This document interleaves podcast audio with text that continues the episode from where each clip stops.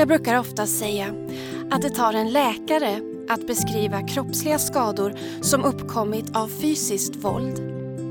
Men att det tar en poet att beskriva skador som uppkommit efter psykiskt och emotionellt våld eller missbehandel som jag kallar det.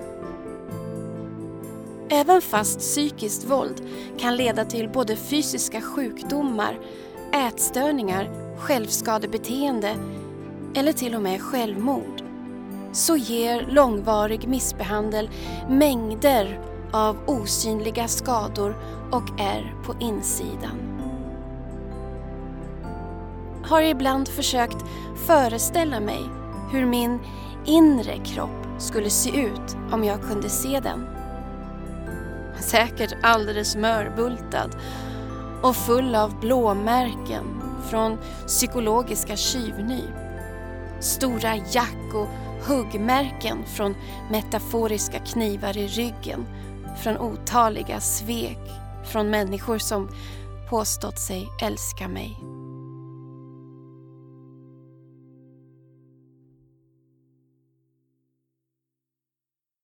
Men det är inte bara osynliga skador. Det är också känslan av att alltid gå runt och gråta på insidan. Eller känslan av att vara någon annanstans än där man är. Och att ständigt bära omkring på något mörkt, tungt och skrämmande som ingen annan kan se men som alltid finns med en var man än befinner sig. Ja, även på natten när man sover. Många överlevare som hör av sig till mig beskriver både sin upplevelse av missbehandeln och sina dolda skador i högst poetiska termer. En del liknar det vid att känna sig som en vinklippt fågel eller som de har dött livsdöden eller själsdöden. Ja, att de är utsuddade i själen. Att de är söndermanglade inombords. Att deras hjärnor och hjärtan är söndermalda som i en köttkvarn. Eller som om de vandrar runt i en svart bubbla. Och att gnistan slocknat i deras blick och den starka känslan av att ha tappat bort sig själv. Några har beskrivit upplevelsen av sig själva som en liten dammtuss eller en sorglig hög med aska. Många beskriver läkningsprocessen som en lång och krokig väg som ibland leder både bakåt och framåt. En inre resa ut ur mörkret och mot framtidens hägrande och bländande ljus.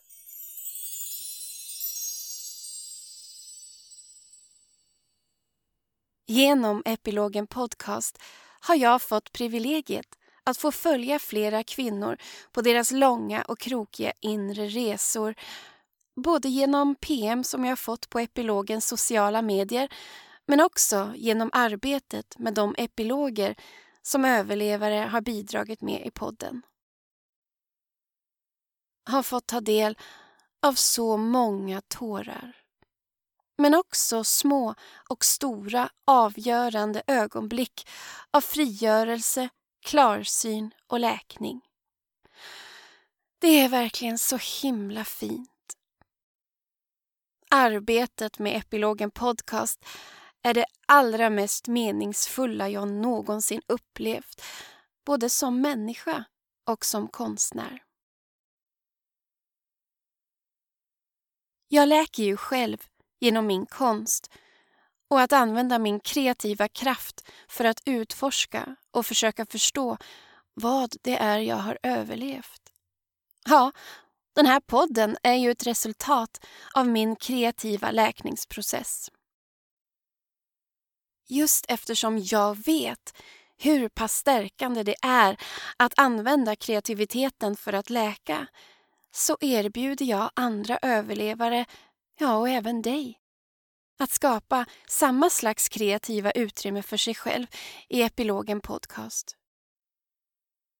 Det här är en lekfull plattform där allt är möjligt för att på bästa sätt få fram känslorna, tankarna, stämningarna, allt det här man inte kan riktigt ta på och alla de där poetiska metaforerna som bäst beskriver upplevelsen av missbehandeln och den långa, krokiga vägen både uppåt och framåt. Och vem säger att läkning måste vara allvarligt och tungt hela tiden?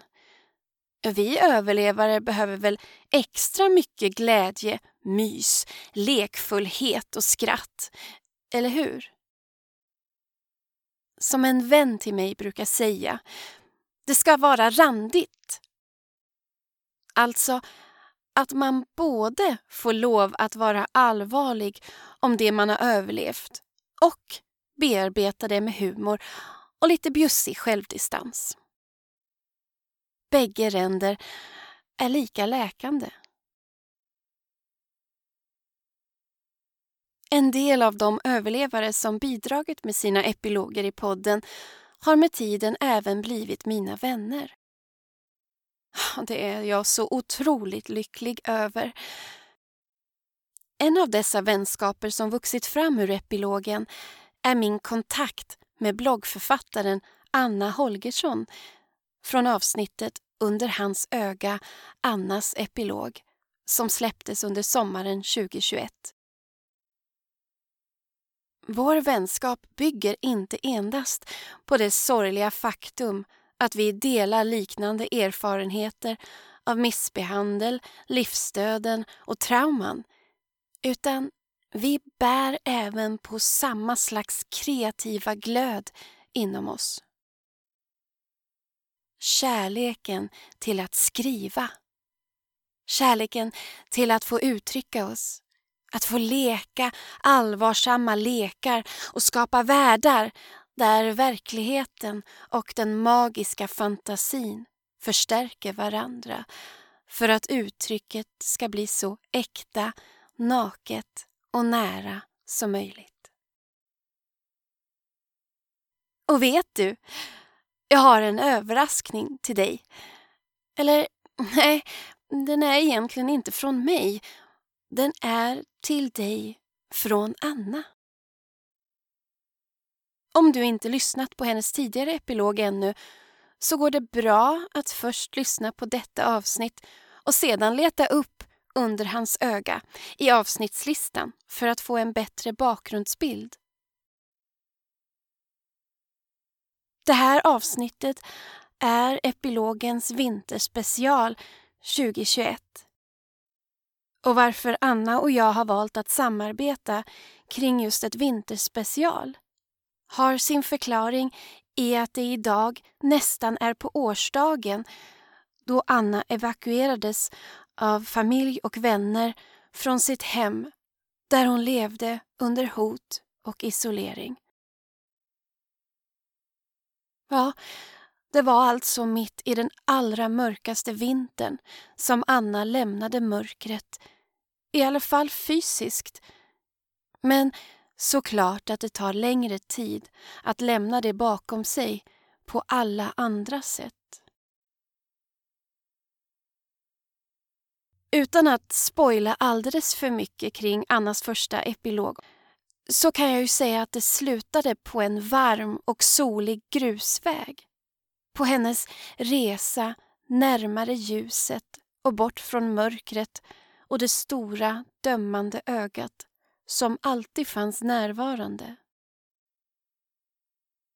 Nu vill Anna dela med sig av vad som hände sen, där på resan. Och vi vill såklart veta var hon befinner sig denna vinter. Och hon berättar ofiltrerat, poetiskt, metaforiskt och med sin kreativa glöd sprakande. Samma glöd som mörkret lyckades släcka för en stund men som hon nu har återerövrat och använt för att skapa en unik och fantastisk epilog till sin första epilog. Och den vill hon nu dela med dig. Ja, så vi ska nu återvända till den långa och krokiga inre resan ut ur mörkret och framåt mot det hägrande ljuset av ett helt nytt liv då man äntligen hittar hem till sig själv.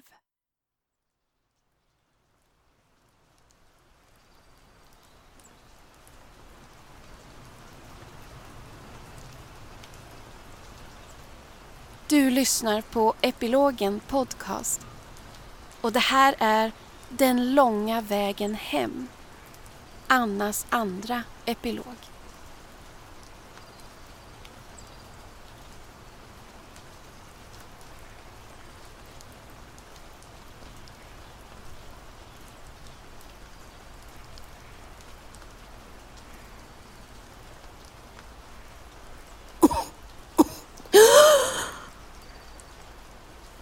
Jag rycker till. Jag vaknar som ur en narkos och ligger i ett lerigt dike och blinkar. Bredvid mig ligger min ryggsäck. Jag vet inte hur jag hamnat där och jag vet inte vart jag kommer ifrån. Men jag hör en helikopter som försvinner.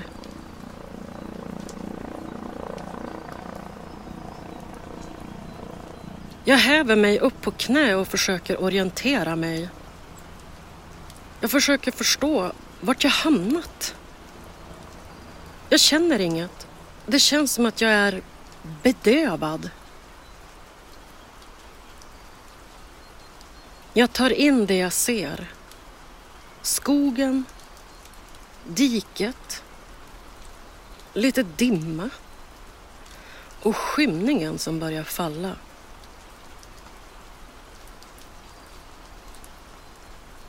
Hallå?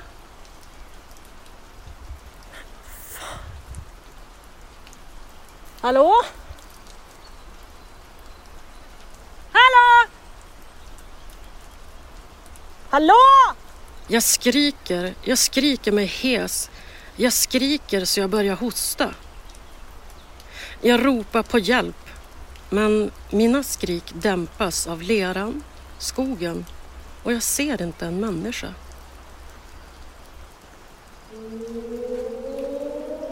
Ett alarm ljuder. Ljudet som skär genom skogen river i mina öron och jag blir så jävla rädd. Jag flyger upp, greppar ryggsäcken och börjar springa. Jag känner mig jagad men jag ser eller hör inget annat än mina egna flåsningar. Jag känner panik. Vart ska jag? Jag har ingen aning om det finns en rätt eller fel riktning. Jag bara försöker röra mig mot något ställe att ta skydd på. Är det här en mardröm? Vart ska jag?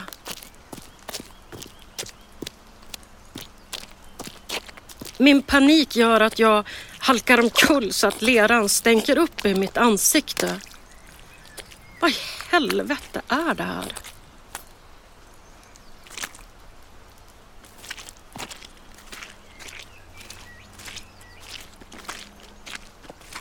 Jag vet inte vart jag ska, men jag förstår att jag måste röra mig för jag fryser.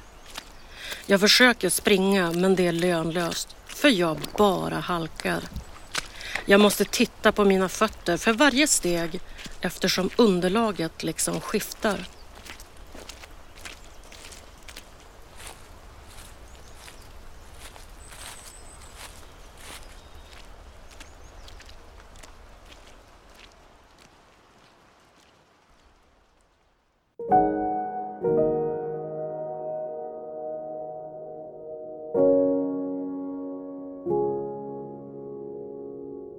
Och vad fan är det som sitter fast över mitt hjärta? Vad är det som gör så oerhört ont?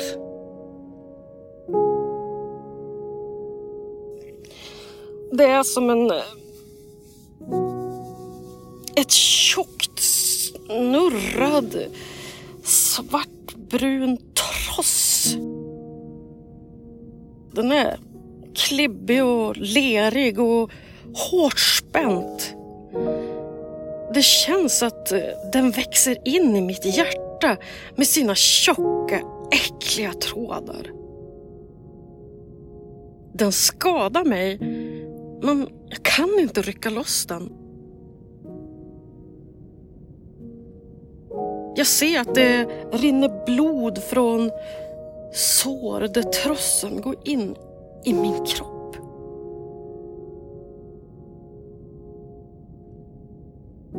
Jag blir så jävla förtvivlad. Vart sitter jag fast? Ska jag följa det här äckliga repet? Jag känner att det där repet skadar mig. Det känns direkt livshotande. Att det sitter fast både på och inuti mitt hjärta. Jag känner att jag måste lossa mig från repet. Men jag vet inte hur. Så jag tänker att jag ska gå åt andra hållet.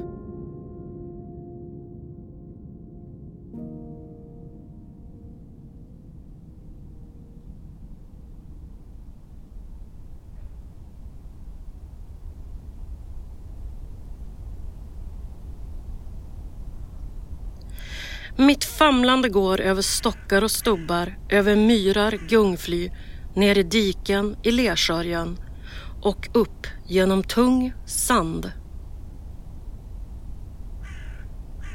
Det är kallt och så börjar det snöa. Jag har bara kläderna jag har på min kropp. Jag måste gå fortare för att hålla värmen. Det är en iskall, grisig sörja och jag svär, gråter och fräser.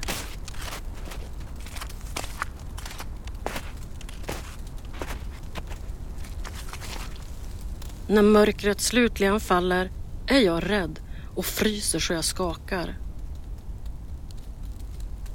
Jag söker efter någonstans att sova. Det känns ju sjukt att jag ska lägga mig ner i den här sörjan. Men jag hittar en plats under ett stort träd vars tunga grenar hänger ner. Jag kan krypa in under grenarna och jag pressar mig mot trädets tjocka stam.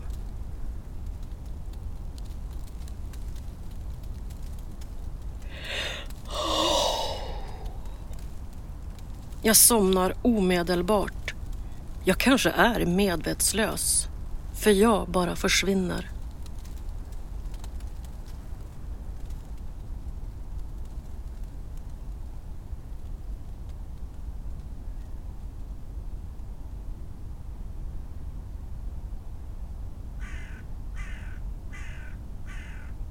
Jag vaknar under trädet. Jag ligger ihopkrupen och jag ser att ljuset har återvänt. Jag kryper fram bland grenarna och ställer mig upp. Jag ser åt höger och vänster. Jag ser framåt och bakåt. Och så börjar jag röra mig framåt.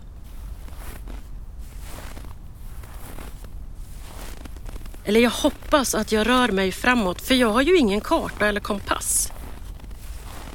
Jag har ingen att fråga om vägen. Jag måste bara röra mig.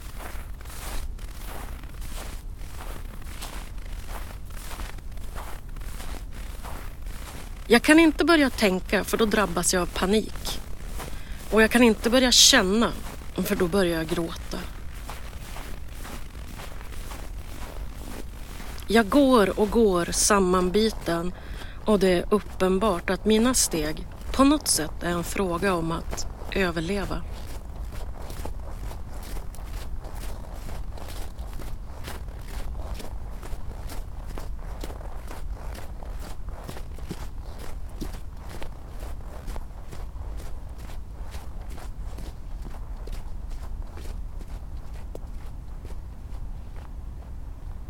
När skymningen faller lär jag mig snabbt att söka skydd. Så fort jag kommer till mitt skydd betraktar jag trossen som sitter fast över mitt hjärta. Det är som en vidrig, rutten navelsträng. Jag ser att en tråd lossnat ur min kropp. Det känns som att jag har fått ut en, eh, en infekterad sticka. Det blöder kring såret men det känns befriande att de där grävande trådarna tycks lossna från mitt hjärta.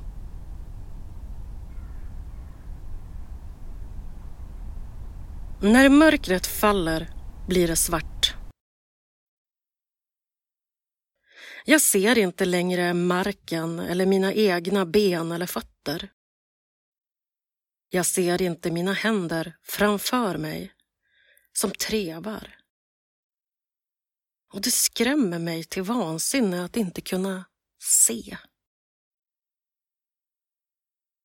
Mina nattliga skydd varierar. Om snödjupet tillåter gräver jag ner mig i en bivack.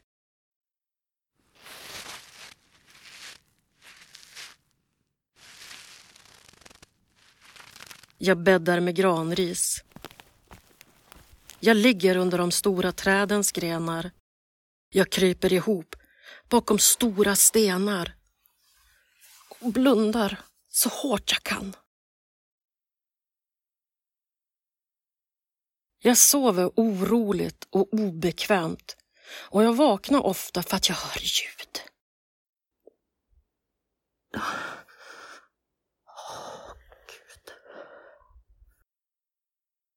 Det får mig att sätta mig upp. Jag greppar en grov träpåk som jag bär med mig.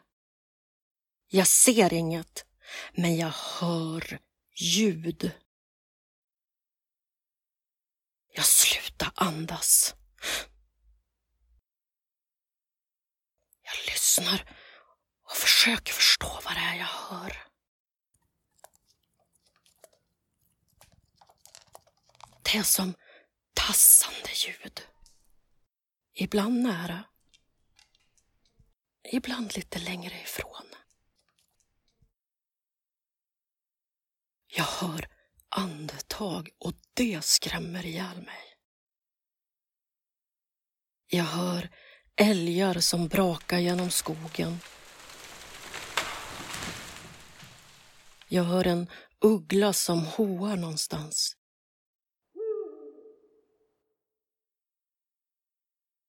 Det mest fruktansvärda är när vargens ylande ekar i den svarta natten.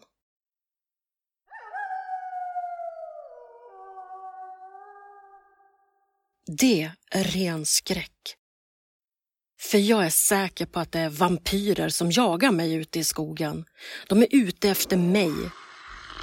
Jag ser hur demoner kastar sig över mig för att suga sig fast vid min hals och tömma mig på blod. Jävla, jävla Dracula som jag såg som barn. Det är säkert troll och vättar som smyger runt mig. Väsen som jag inte rår på.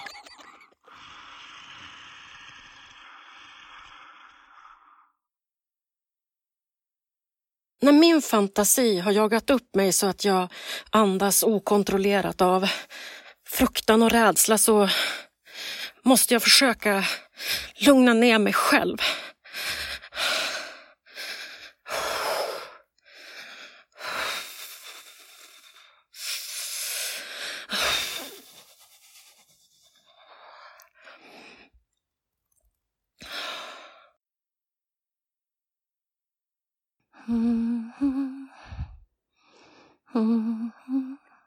Jag nynnar för att slippa höra ljud.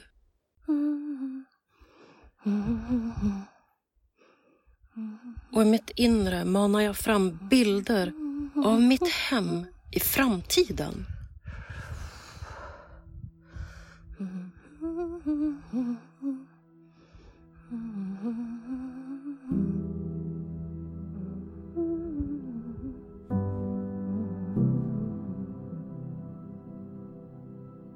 Ett hem med en dörr att låsa om mig. Jag ser hur jag bygger upp mitt hem bit för bit och jag fantiserar hur jag vill möblera det, vilka färger jag ska ha. Ska jag ha gardiner eller ska jag släppa in allt ljus? Jag tänker på hur mitt hem ska dofta. Jag tänker på hur det ska kännas när man öppnar dörren till mitt hem. Jag ser framför mig hur jag skapar små platser med små vackra själfulla saker att betrakta.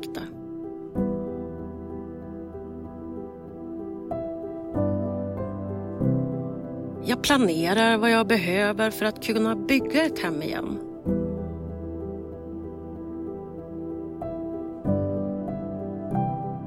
De där själfulla små sakerna undrar jag om jag kommer hitta igen. Jag ser en stor inbjudande soffa och jag funderar på vem som ska få sitta med mig i min soffa.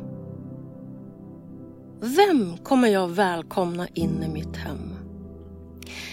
Inga vampyrer som suger ut mig, den saken är säker.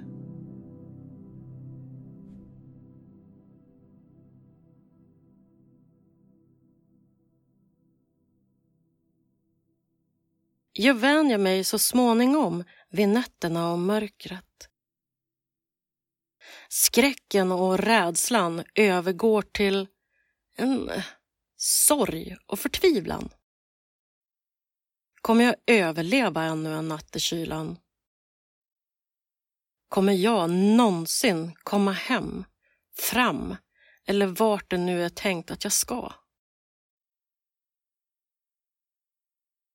I den stilla sorgen når jag en insikt.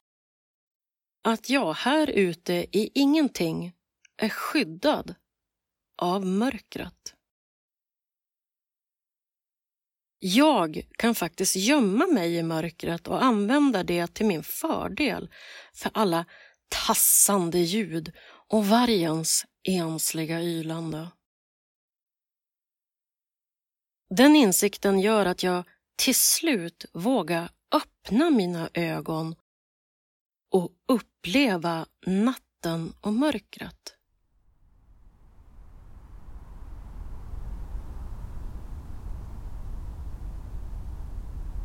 Jag kan börja betrakta den vidunderliga natthimlen. Vissa nätter spelar norrskenet ovanför mig.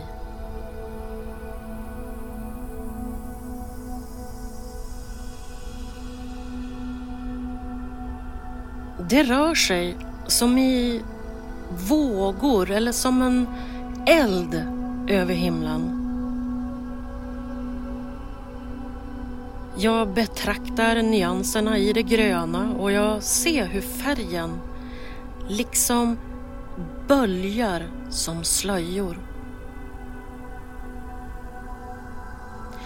Vissa nätter lyser stjärnor och månen så klart och över snön breder nattens ljus ut sig som ett gnistrande täcke. Jag känner mig väldigt liten under och mitt i den mäktiga Vintergatan.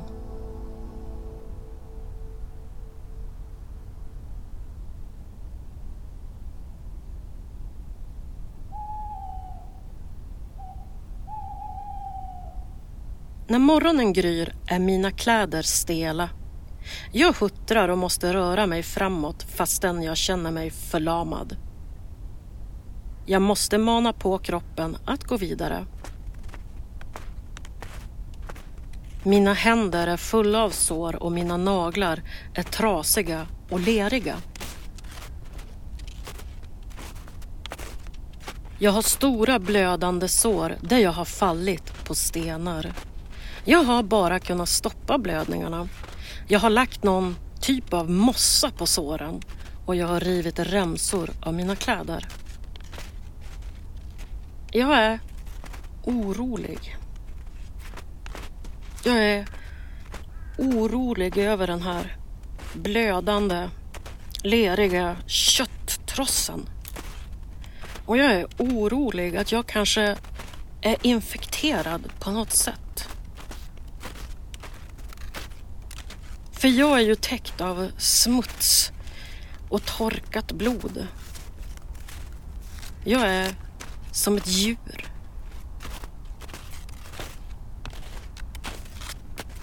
Ju längre tid jag befinner mig i den här absurda marschen, desto säkrare blir jag. För till slut så fattar ju jag hur jag ska röra mig för att komma framåt.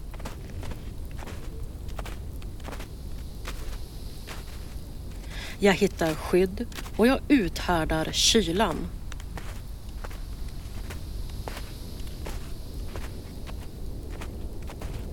Jag är tacksam och belåten varje kväll jag har överlevt ännu en dag.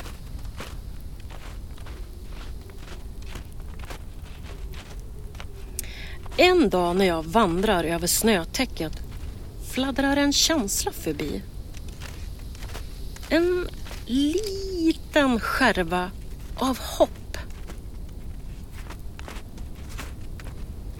Jag tror, jag tror att jag kommer överleva det här.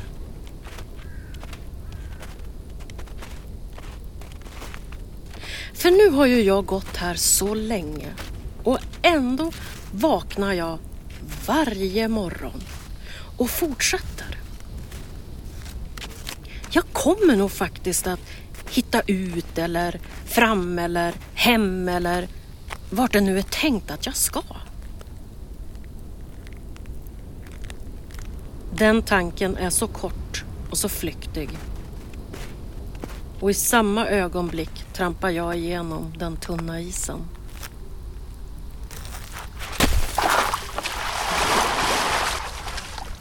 Jag faller och ligger där, chockad av kylan och jag skäms över att jag trodde att jag skulle klara mig.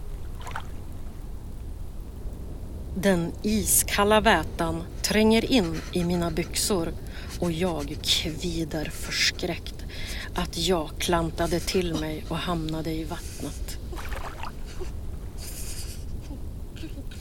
Hur fan ska jag överleva? Jag är så jävla värdelös. Jag är så jävla värdelös. Mörkret rullar in i mitt huvud och omsluter mig.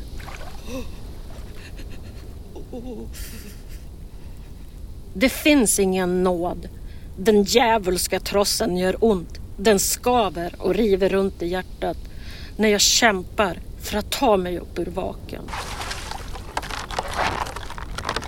Jag fryser och jag misströstar. Jag känner mig som en idiot som försöker. Jag kanske bara ska sluta nu. Jag kanske bara ska sjunka ner i den bedövande kylan.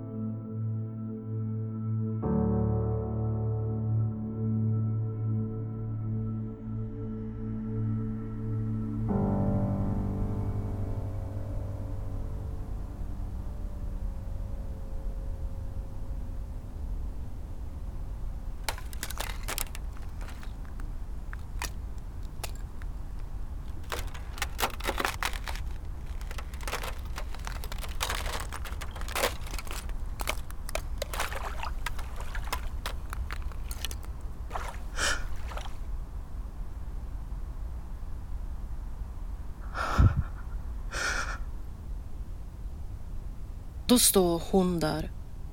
Varghonan som ylar om natten. Jag slutar gråta. Hon tittar på mig och våra blickar möts. Jag vet inte vad jag ska göra. Jag bara viskar. Hjälp!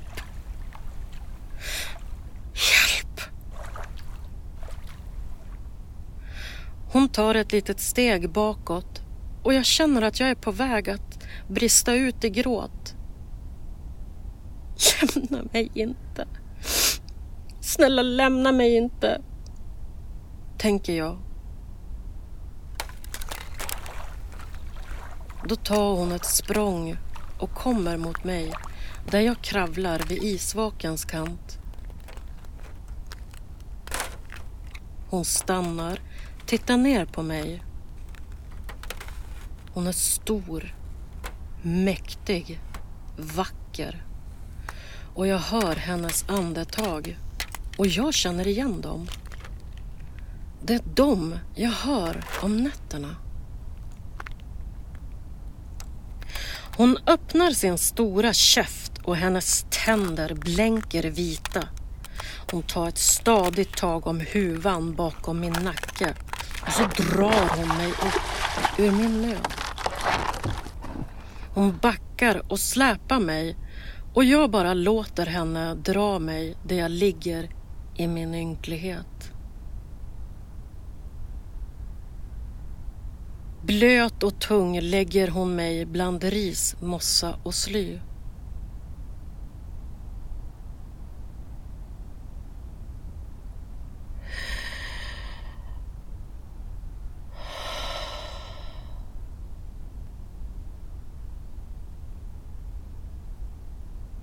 Jag ser vargen som drar sig tillbaka in i skogen. Jag tackar henne. Jag tackar henne av hela mitt hjärta. Sen somnar jag i strålar av ljus.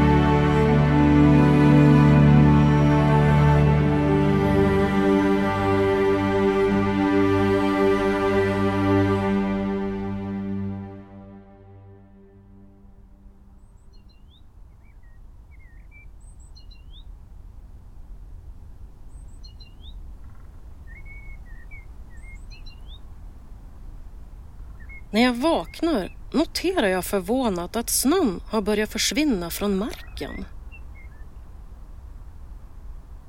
Det lyser av strålar genom trädens tunga grenar och jag undrar, när hände det?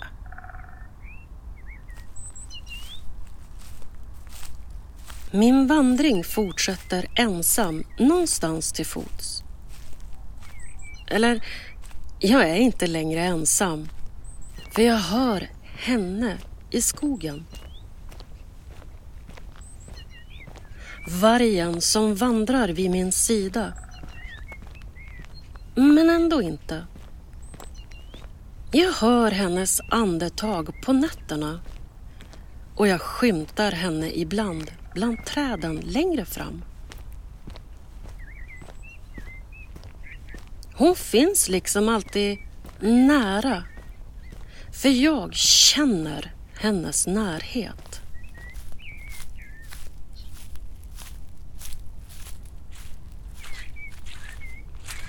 Men dagar blir till veckor och vägen den blir fan aldrig lättare.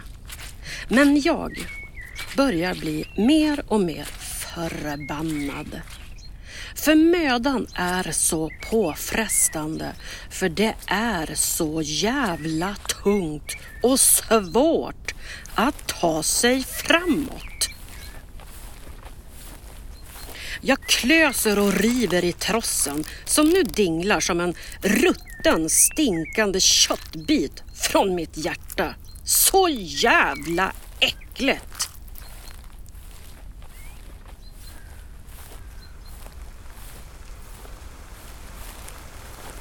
Att gå i skogen över snår och myrar går bra. Men det är när jag hamnar i det där leriga diket jag halkar och faller. Regnet faller obarmhärtigt och ihållande och jag är så trött. Jag är så jävla trött. Jag orkar fan inte gå mer i lera. Hur länge är tanken att jag ska virra runt här i skogen, diket och leran? Jag kanske inte fixar det här trots allt.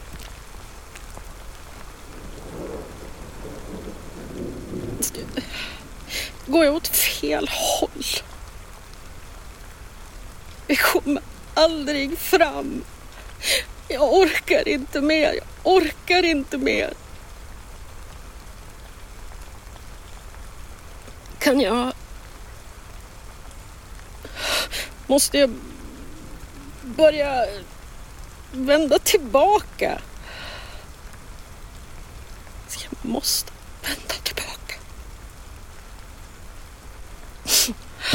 Jag vill, jag vill vara stark.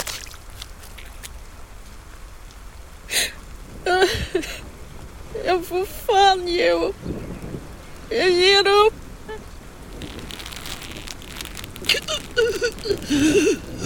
Tro, trossen slingrar sig runt min hals och den dras åt som en snara och jag kämpar för att få luft. Vad fan!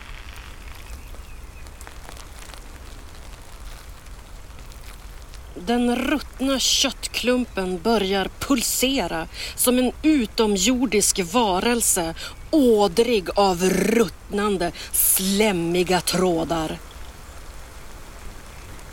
Det är som att mina tankar på att ge upp på något sätt ger den läskiga trossen liv.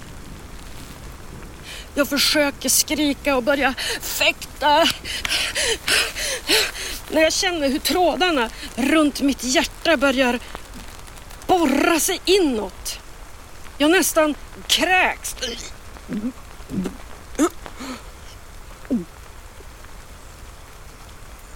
Jag får en stark känsla av panik, skräck och jag fryser djupt inne i min märg.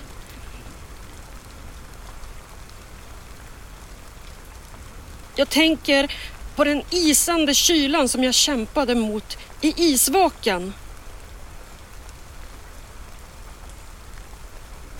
Jag ser då vargens blick i mitt inre. Jag känner en urkraft komma djupt inifrån mig. Det är som att hon finns inuti mig. Nej! Nej! Jag vägrar. Jag vägrar ge upp och vända tillbaka. Jag vägrar ge upp och vända tillbaka. Fan, fan. Jag är bara så jävla trött.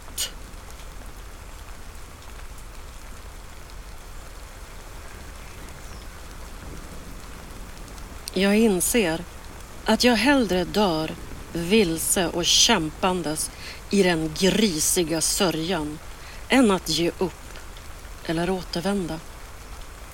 Jag inser att om jag återvänder är jag död.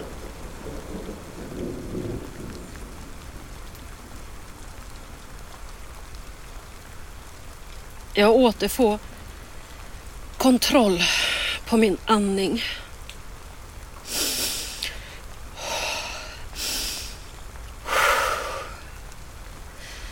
Och den döende trossen tappar sitt grepp runt min hals och den slutar sitt grävande inåt mitt hjärta.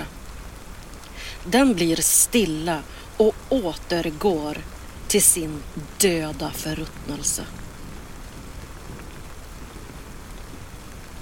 Jag tittar ner där den hänger som en klibbig massa på mitt hjärta och konstaterar förundrat att de flesta trådarna som gick inåt faktiskt har lossnat.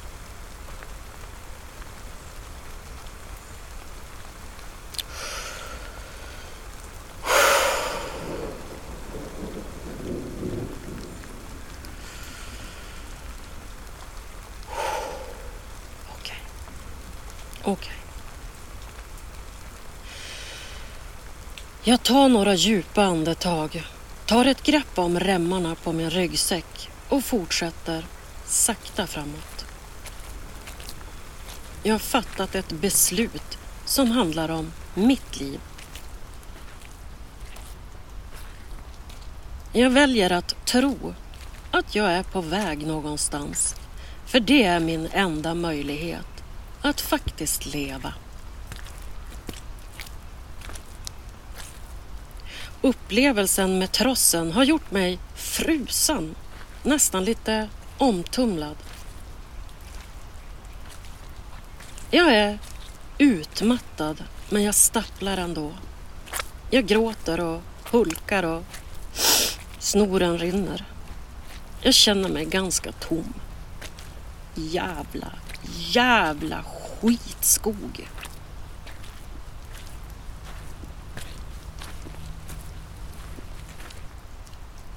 Då ser jag ett litet ljus långt borta. En liten låga som fladdrar. Jag drar mig nyfiket mot ljuset och ser att det är en liten eld som brinner under ett provisoriskt regnskydd. Därunder sitter min vän. Han har kokat kaffe. Han sträcker ut sin hand när jag kommer halkandes och han drar in mig under regnskyddet. Han sträcker fram en rykande mugg kaffe och säger inte mycket. Jag orkar inte heller prata. Jag svär lite över vägen men mest av allt så rinner tårarna och snoret.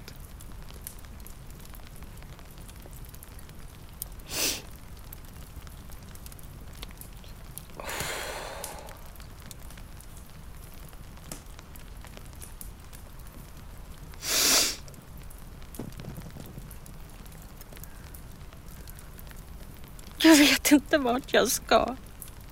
Och jag vet inte hur mycket mer jag orkar. Jag orkar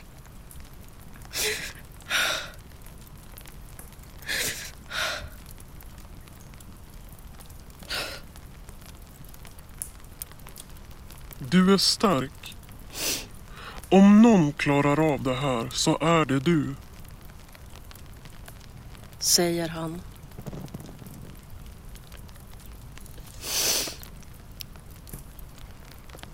Jag kan inte sitta stilla. Jag, jag måste vidare. Jag, kaffet har gjort mig gott. Och jag känner plötsligt en styrka i det jag gör. Att jag marscherar här i leran att jag lever och rör mig som ett vilddjur. Jag känner mig plötsligt inte ynklig utan jag känner mig råstark. Jag känner att jag vill vidare. Så jag hukar mig under regnskyddet och glider ut i regnet och sörjan.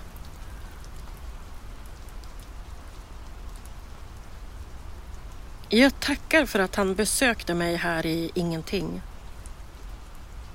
Jag ger honom en plats i min soffa. Den där soffan som jag ska ha i framtiden, i mitt hem, i verkligheten. Och sen ger jag mig av.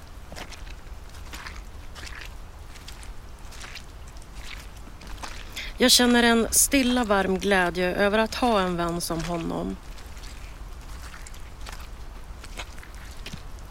Jag gråter för att jag är jävligt stolt över att jag klarar av att leva i detta jävla lerdike. Jag gråter för att jag är utsatt.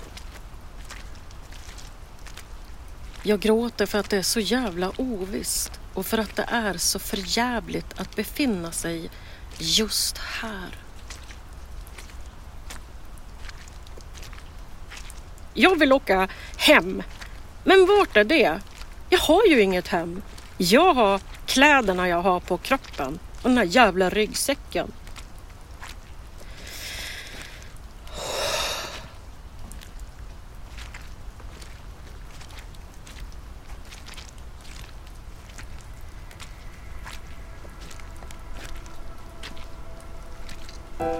Den bisarra vandringen fortsätter utan riktning.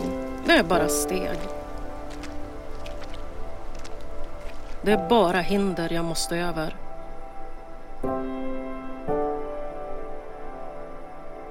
Minnet av min vän och kaffet börjar blekna och veckorna passerar utan nåd. Jag skriker och svär, men jag kan inte lyssna på mina känslor. För jag är ett djur som söker mark. Jag är en ren som söker bättre bete.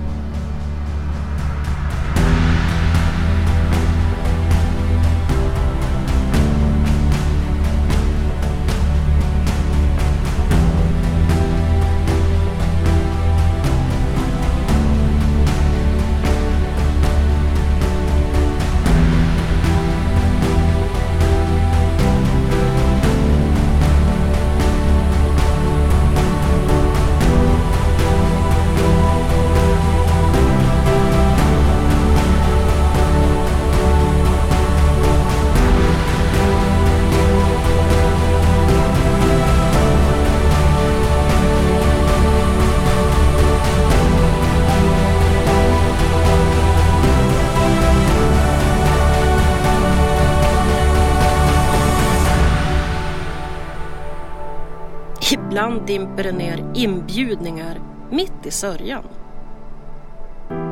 Fullständigt absurt och surrealistiskt. God jul! Glad påsk! Vill du komma och fira med oss? Är det ett skämt? Ett test? Vad är hakan? Eller är folk helt dumma i huvudet? Jag inser där i dyn att min tid och min energi är dyrbar. Jag kan bara prioritera mina steg, inget annat. Det finns inga falska leenden att klistra på. Det är den ärliga sanningen. Det låter ju så snällt att folk bjuder in mig. Men ärligt talat, vem vill ha mig i sin närhet just nu? Jag är lerig, full av torkat blod, snor och svett. Jag har inte kammat mitt hår utan det är en vild tofs av smuts och pinnar. Jag har inget ombyte och jag har ingen lust att lägga tid på skuggor och damm. För det här är mitt jobb att göra, inget annat. Och förresten, ingen jävel vill ha mig i städade rum i min nergrisade gestalt. Det är så jävla oärligt att ens försöka.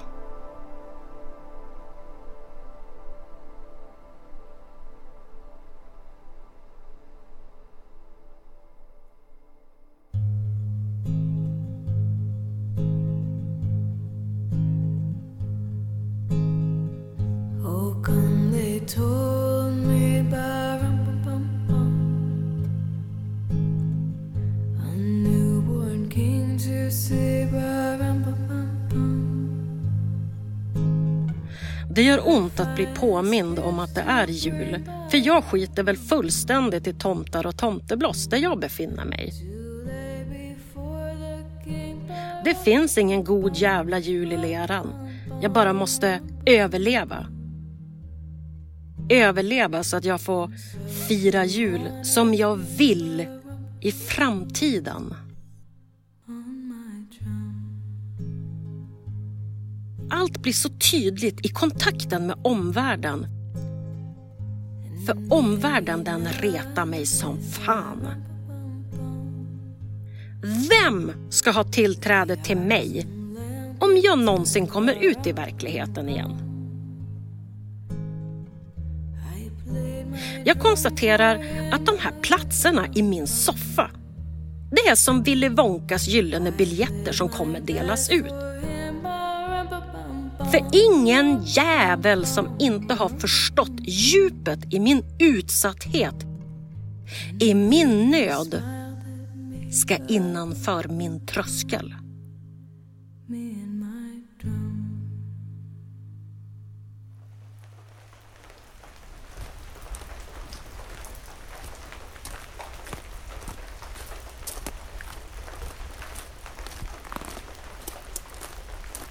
Min vrede ger mig driv i stegen. Jag forcerar lera och skog. Jag forcerar bäckar och hinder som en ursinnig vilde.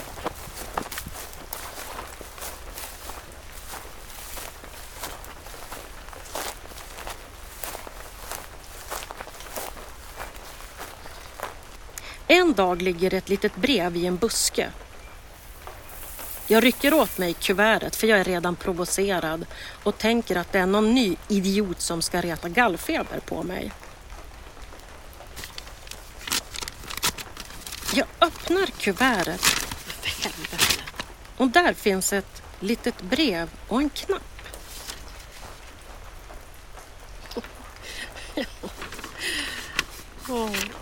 Brevet är från fröken Knapp. Hon ber mig att trycka på knappen om jag någonsin känner att jag är på väg att ge upp. Hon vill bara att jag ska veta att hon är redo att släpa mig i leran tills mina ben åter bär. För hon har hört av kaffemannen att jag kämpar.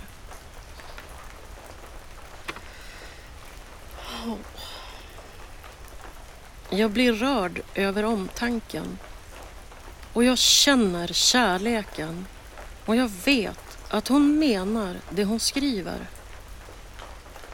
Hon får en gyllene biljett till soffan.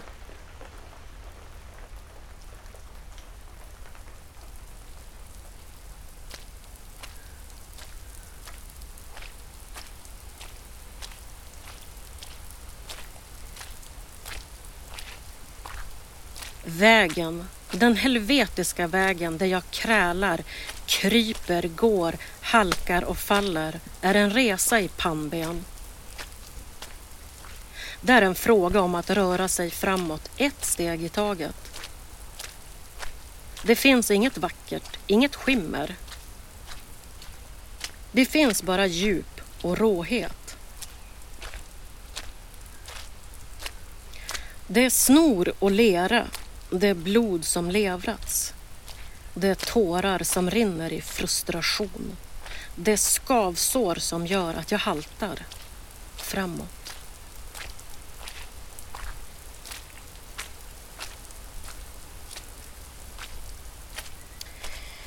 Regnet det faller oupphörligt i mitt leriga dike. Men bortom myren på min vänstra sida ser jag som ett ljus bakom lövträd. En hare sitter på myren liksom frusen och tycks försöka hoppas på att jag inte ska se den. Vilken idiot! Så tar haren ett språng och löper iväg mot ljuset. Jag blir nyfiken och kämpar mig upp över dikeskanten och ut på den våta myren. Den doftar sin säregna sötma och surhet.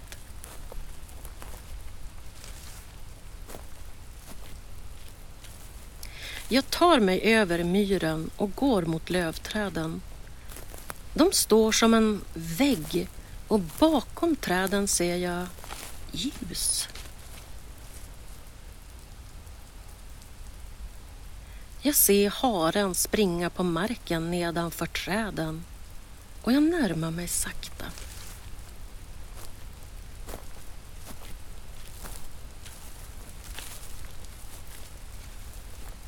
Haren pilar in mellan träden och jag följer efter.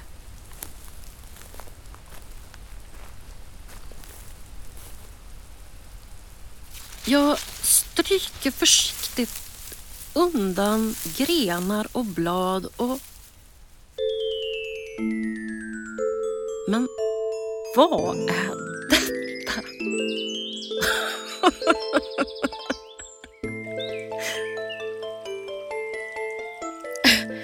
Efter månader når jag en glänta vid en sjö mitt i skogen.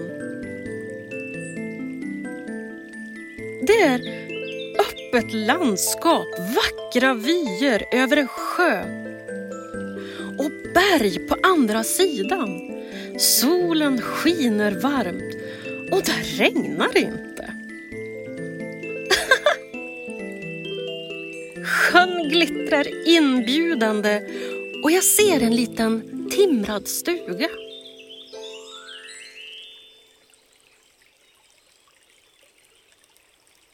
När jag kliver in i gläntan noterar jag att träden står i sin skira grönska. Jag har vandrat genom vintern och en stor del av våren. Försommaren är plötsligt här och jag inser att tiden har passerat.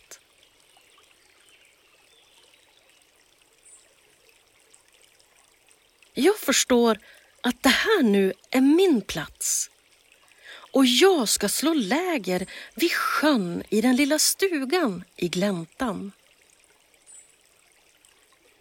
Det är som en saga. Haren sitter och mumsar förnöjt på klöverblommor. Det är idylliskt och fridfullt och jag känner mig glad. Nu ska jag återhämta mig.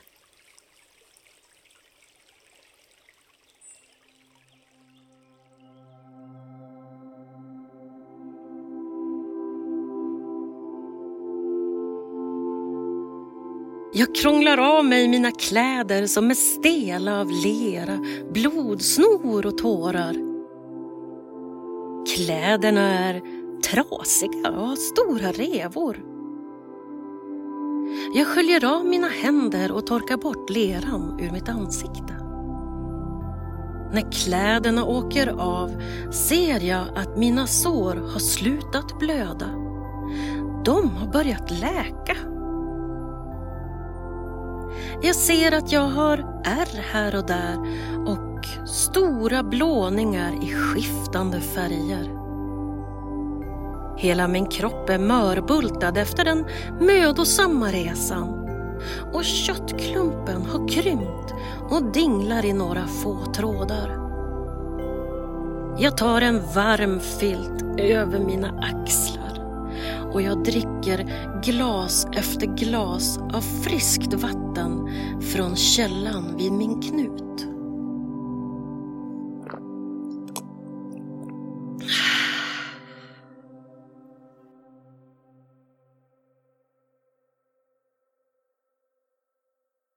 När jag suttit en lång stund går jag till duschen.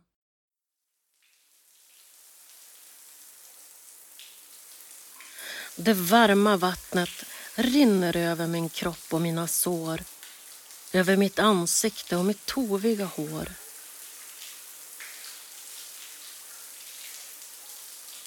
Jag låter vattnet rinna och mjuka upp mina ömma muskler.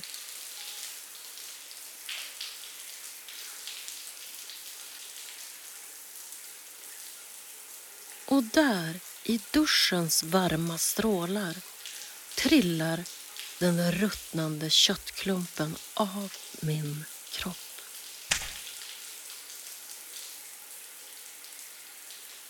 Det känns som att en kontakt dras ut och jag drar ett djupt andetag efter luft.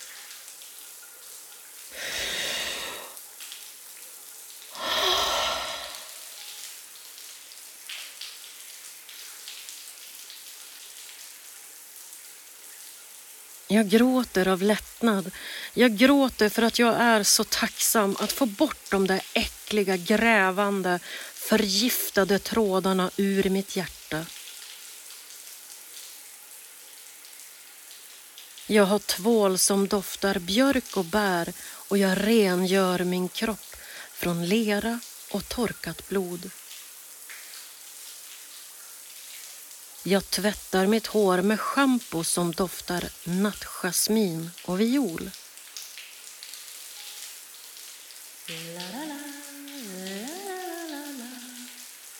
Jag tar god tid på mig i duschen och hela badrummet fylls av varm ånga.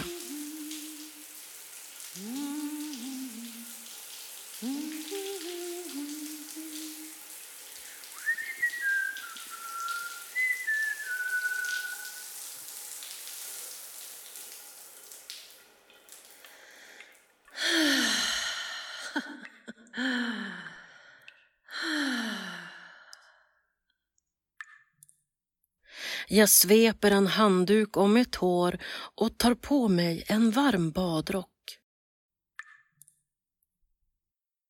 Det doftar som himmel i badrummet. Sedan smörjer jag in min kropp i varm, len olja. Jag smörjer mitt ansikte och jag möter min blick. Min hud är frisk, mina ögon trötta, men har en gnista. Jag reder varsamt ut mitt toviga men rena hår. Jag är hel och ren. Jag känner mig på nytt född. Jag äger inget. Jag är ingen. Jag är bara människa. Jag är bara jag. Jag är på noll, men det är okej. Okay. Jag är fri. Jag är fullständigt fri. Jag är fri att göra vad jag vill. Att forma min framtid.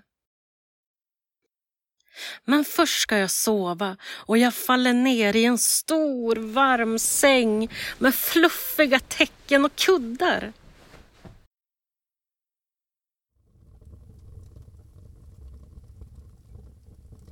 Min lilla trästuga doftar svagt av kåda och en eld sprakar i en öppen spis. Jag befinner mig i ingenting, i ingenmansland i ett territorium som ingen brukar.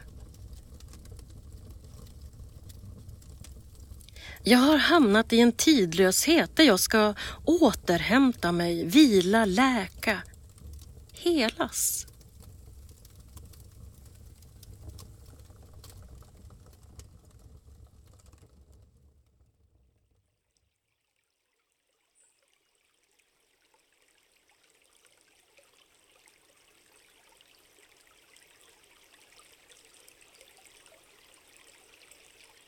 Här är tillvaron sannerligen overklig.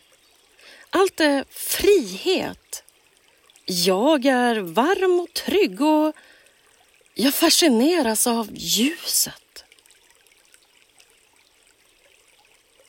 Här finns inget mörker. Midnattssolen sprider sitt milda rosa och purpurfärgade ljus över gläntan, sjön och över bergen på andra sidan. Det är slående vackert Men det är liksom inte mitt liv. Mina tankar skingras för jag ser den lilla haren som skuttar runt i gräset. Haren tycks leva vid min stuga och jag ser den äta friska gröna späda blad. Och ibland bara sitter den så där, stilla. Jag förstår inte varför. Tror den verkligen att jag inte ser den bara för att den sitter blixt stilla? Är haren lite dum? Är det mig du kallar dum? Hör jag en liten röst. Va? Du har kallat mig idiot. Och nu tror du att jag är dum för att jag sitter stilla. Eh, alltså, förlåt, men jag... Eh, jag förstår inte riktigt. Jag ser dig ju. Du borde ju springa och gömma dig om du inte vill bli sedd. Som du gjort, menar du? Va? Ja, du har ju brakat runt i skogen som en skenande elefant. Och vilket språk du har! Men eh, jag, jag har ju gått i månader och det har varit lera, det har regnat. Vi är många som lever i skogen, i naturen och ingen låter som du. Ändå har jag inte kallat dig för idiot eller kallat dig dum. Nej, förlåt. Alltså det var illa gjort av mig. Ignorant. Va? Ja, ignorant gjort. Du kunde ju istället fråga mig varför jag sitter stilla.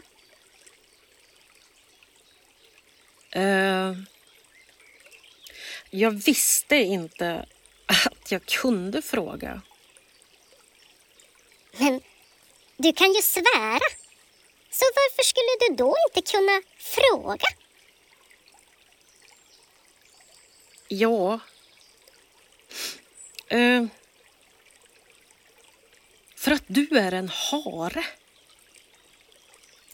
En skarpsynt människa måste jag säga. Jag är en skogshare. Min vandring är liksom din, fylld av faror. Jag jagas jämt av rovdjur. När jag sitter stilla utsöndrar jag inte någon vittring. Och då får ingen predator upp spår av mig. Därför sitter jag stilla. Men jag är ju en fara.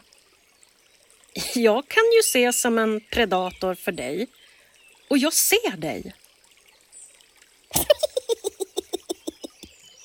Du jagar inte mig. Du är på tok för upptagen med ditt eget. Skrattade den lilla haren. Du, tack! Tack, tack för att du lärde mig. Du visste ju redan det här. För du har också suttit paralyserad när rovdjuret var ute efter att döda dig. Svarade den lilla haren mjukt och skuttade iväg.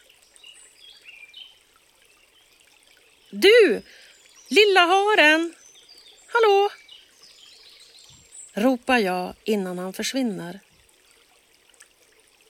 Haren stannar upp och spetsar sina öron och lutar på huvudet åt mitt håll. Du har en plats i min soffa, säger jag rakt ut i luften. säger den lilla haren och gör ett krumsprång i luften så att jag börjar skratta.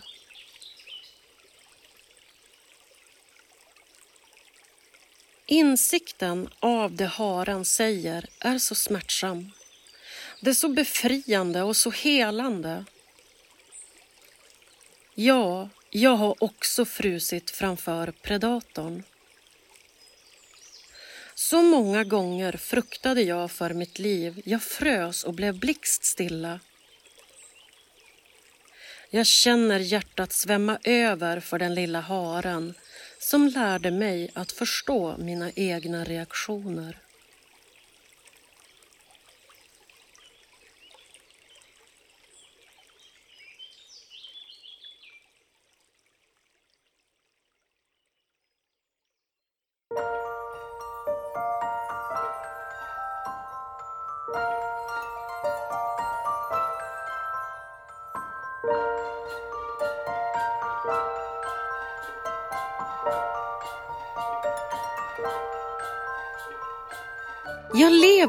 Ensam i min lilla koja.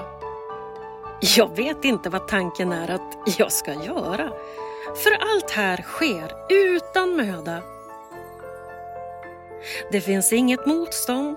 Allt känns väldigt enkelt i skogen och naturen. Det är ingen djävulsk kyla som håller på att dräpa mig och ingen lera att kräla igenom. Mat finns dukat som att jag har osynliga små hustomtar som vill mig väl och som tar hand om mig. Jag ser aldrig vart maten kommer ifrån och jag reagerar inte på att det är märkligt.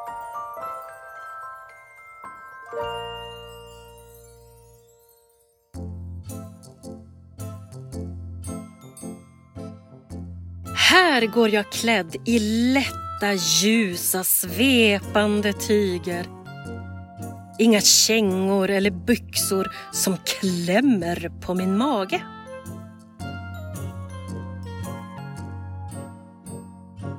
Ibland lyssnar jag på musik.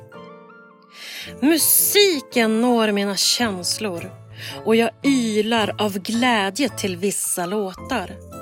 Andra sjunger jag med så att jag skriker och med tårarna rinnande.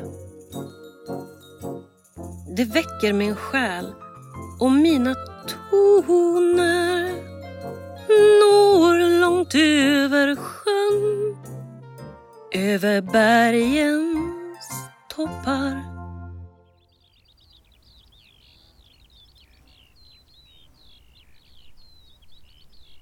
Jag betraktar ljuset, träden, djuren. Jag går på promenader på fina skogsstigar runt sjön och ibland går vargen lojt vid min sida. Vi talar inte med varandra. Jag bara vet att hon förstår mig. Hon förstår att hon för alltid har en plats vid min sida. Att hon får bo i min soffa om hon vill. Hon vädrar bara förnöjt i luften och piper sedan iväg in bland träden. Jag ser henne inte hela tiden men vet att hon alltid finns nära. Jag känner det.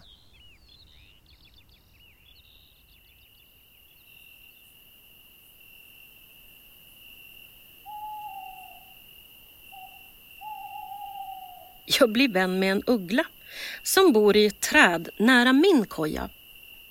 Tillsammans sitter vi om de ljusa sommarnätterna och betraktar solen som aldrig går ner. Ugglan är klok. Jag lär mig så oerhört mycket genom våra samtal. Hon vet allt om mörkret. Hon vet vad mörkret är och hon vet hur mörkret skrämmer.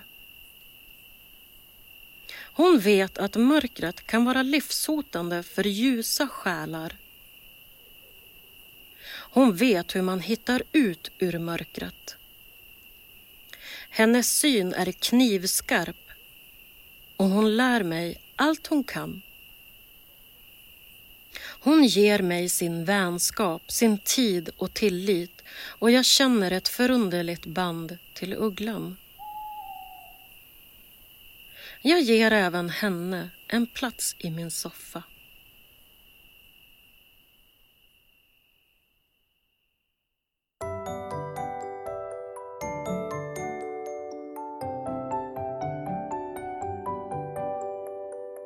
Jag är så glad över sällskapet som ugglan, haren och vargen ger mig. De får mig att känna mig trygg. De har min rygg. Jag är inte ensam. Jag reagerar inte längre på att djuren talar. Eller ja, inte alla. Jag började konversera med en groda, men den hoppade bara iväg och då blev jag nästan förnärmad.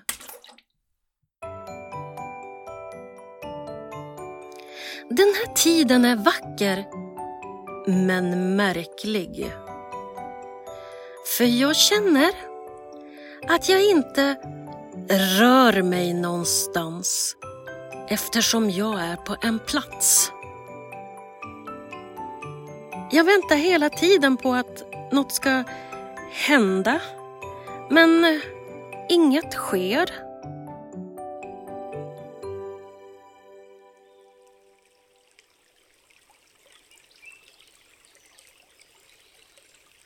Jag ligger i sjön och flyter på ytan och tittar rakt upp i himmelen. Jag gråter och jag skrattar. Det är så fridfullt. Jag är närvarande i nuet och betraktar blåvingar som fladdrar i gräset. Jag betraktar sorgmantlar som flyger runt mig när jag går. Jag dansar med fjärilarna i gräset och jag känner att jag måste måla. Färger, penslar och musik. Genom detta föds änglar som hjälper mig att gestalta känslorna och upplevelserna som jag gått igenom. Jag låter själen komma ikapp. Jag låter henne komma till uttryck i min kreativitet. I den rena stillheten känns den möda jag genomlevt avlägset och långt borta.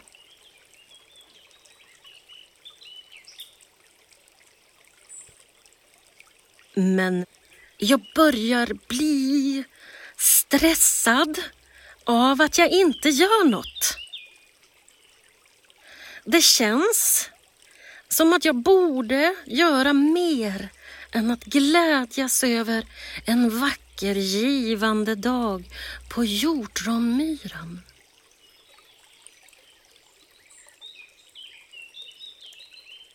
Så kommer dagen när jag vill vidare. Jag vill hem. Jag vill inte längre leva tidlöst och planlöst. Jag vill inte leva i ingenmansland. Jag vill leva i verkligheten. Jag vill inte vara en lerig skogsmulle och jag vill inte heller vara en fladdrande fjäril i sommarvinden. Jag är en människa. Jag är en kvinna och jag behöver återvända till verkligheten. Jag kan inte fladdra runt som en bohem och leva tidlöst, planlöst och i nuet. Jag behöver framtiden. Jag vill ha framtiden. Jag vill ju få bygga upp mitt hem. Jag vill få placera ut den där vita inbjudande soffan som jag ser så tydligt i mitt inre i mitt verkliga vardagsrum. Jag vill få öppna upp dörren för mina vänner. Jag borde verkligen vara tacksam, jag vet det. Men tacksamheten, den är som bortblåst och tålamodet är så jävla slut. Jag är så provocerad av att leva i en overklig sagobok. Det är som att bara leva på socker. Det blir för mycket och jag äcklas över det tillrättalagda, för så är aldrig någonsin livet.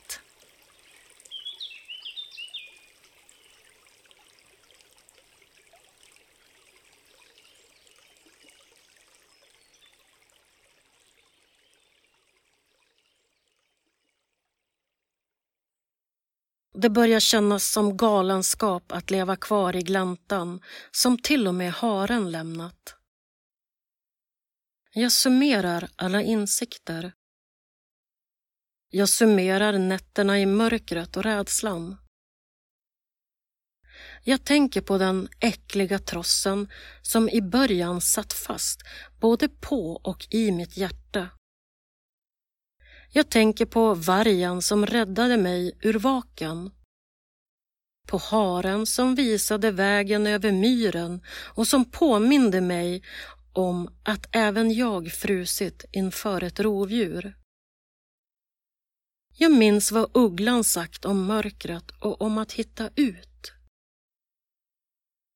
Jag minns kaffemannens ord och fröken Knapps omtanke.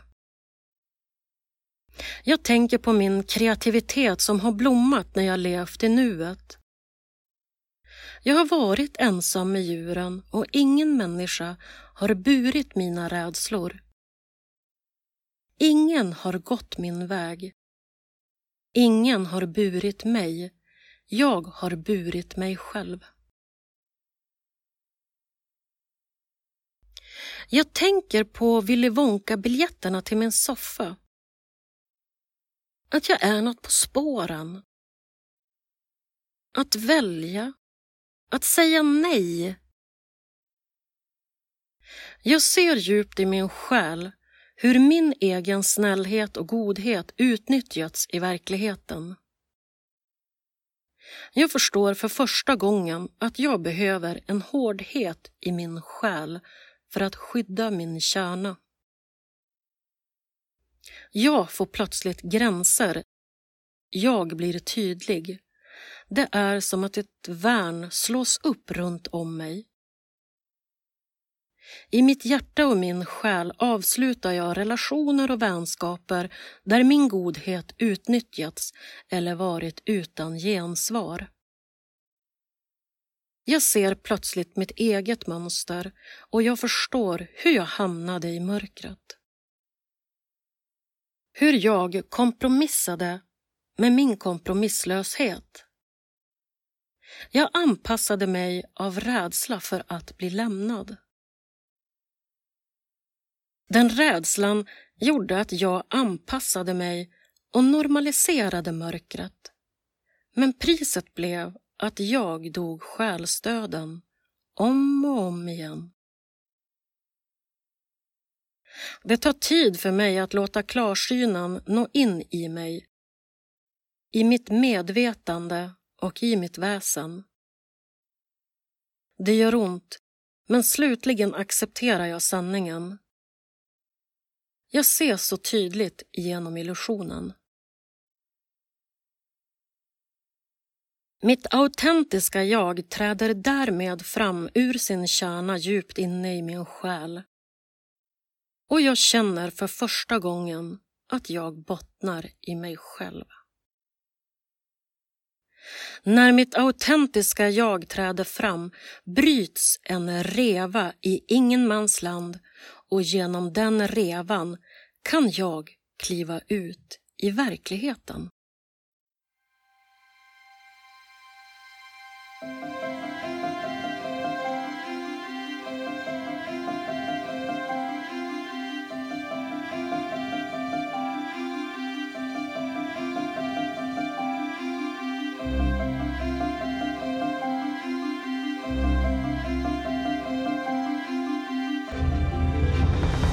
Jag står framför en helt vanlig dörr i ett helt vanligt hus i den verkliga världen. På dörren står mitt namn och jag får en nyckel i min hand. Jag kommer vidare! Jag har kommit ut ur bubblan. Jag börjar skratta i trapphuset så det ekar och jag stoppar nyckeln i dörren och kliver in.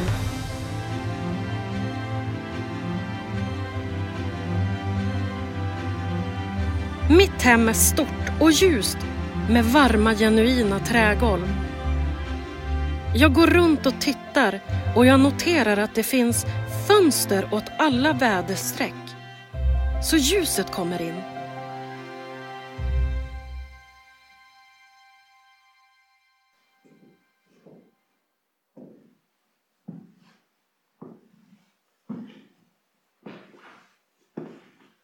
Vardagsrummet är stort och varmt.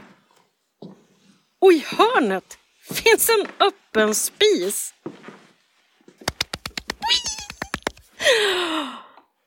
Jag klappar händerna av förtjusning. Här kommer jag trivas. Här kommer jag inte bara leva med en puls. Jag kommer ha ett helt liv. Köket med sina träbänkar, den stora spisen, det generösa skafferiet. Jag ser mig själv både baka, laga mat och odla kryddor i fönstret. Helvetes jävlar vad jag ska flytta! Jag är så laddad. Det är som att jag har stått på ett startfält i ett startblock och nu skjuts jag ut som en kanonkula.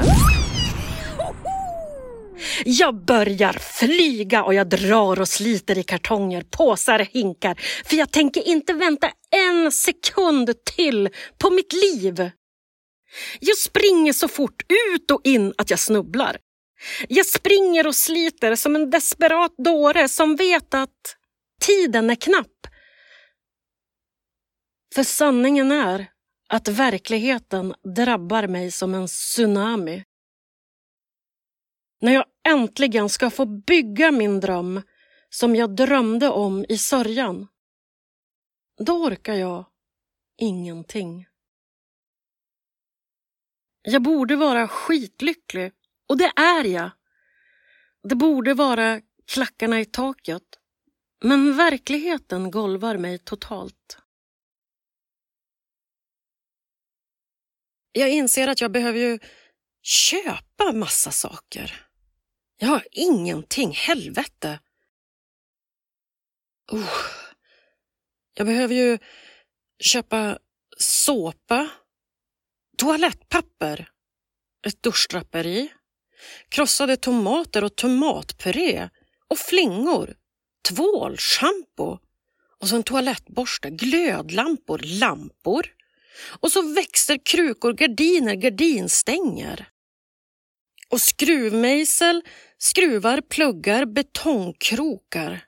Hammare, vattenpass och tallrikar och glas, kaffemuggar, skedar, gafflar, knivar, rivjärn, Plastpåsar, plastfolie, aluminiumfolie, bakplåtspapper, vetemjöl, havregryn, knäckebröd, tunnbröd, vaniljsocker, assietter, kokbok, elvis, bakpulver, kakao, kokos, sylt, lök, morötter, potatis, vitkål, purjolök, mjölk, smör, ost, ketchup, sallad, soja.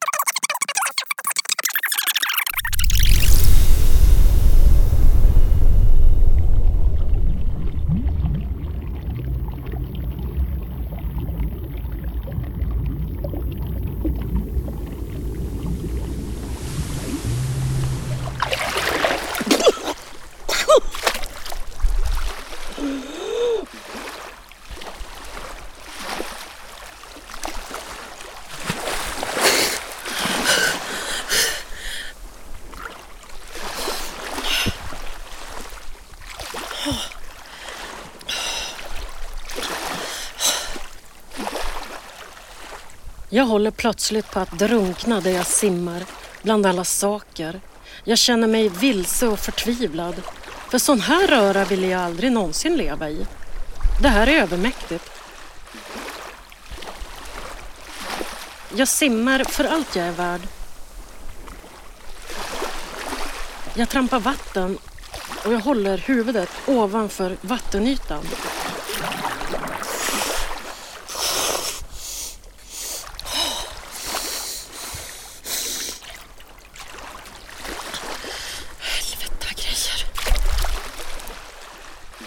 Runt mig flyter kartonger och bråte. Jag får prioritera i flodvågen. Överleva. Inte frukta vatten. För simma det kan jag. Så nu gäller det att hålla huvudet kallt. Jag får flashback till leran och alla diken jag krupit i. Och jag blir så himla förtvivlad. Är jag där igen?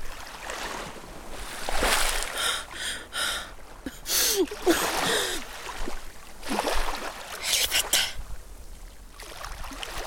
Jag får resonera med mig själv. Jag försöker vara logisk. Det här är en flodvåg och det betyder att vattnet kommer dra sig tillbaka. Röran går att reda ut. Kämpa för fan! Kämpa för fan! Kämpa för fan!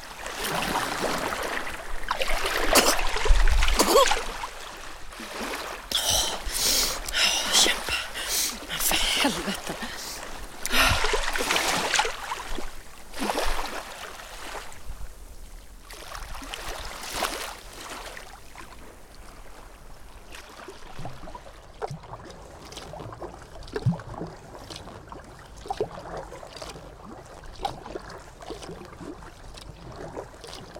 Det känns som att det är veckor där jag flyter runt på provisoriska flottar. Men slutligen kan jag börja rota runt i förödelsen. Där!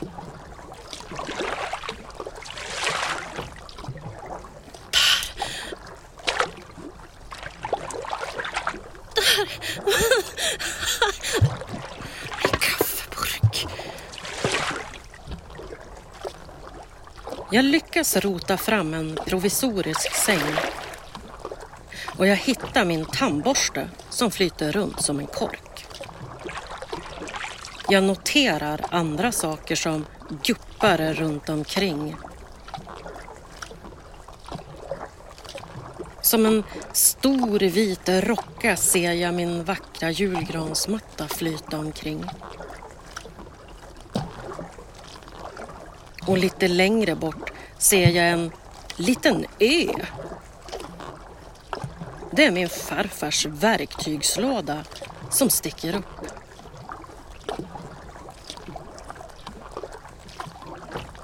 Men jag väljer att stänga och låsa min dörr. Att reda i röran får faktiskt vänta.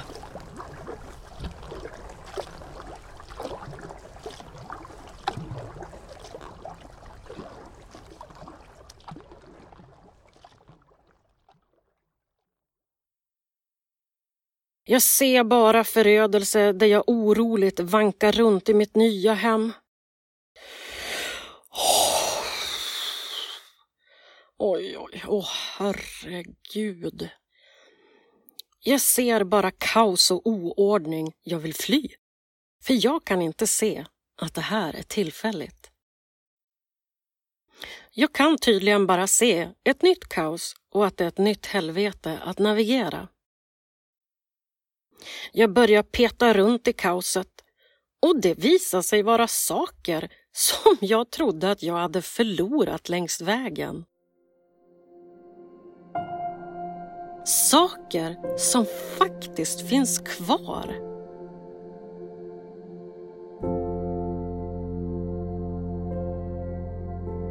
Det är de där själfulla små sakerna som jag längtat efter att få betrakta.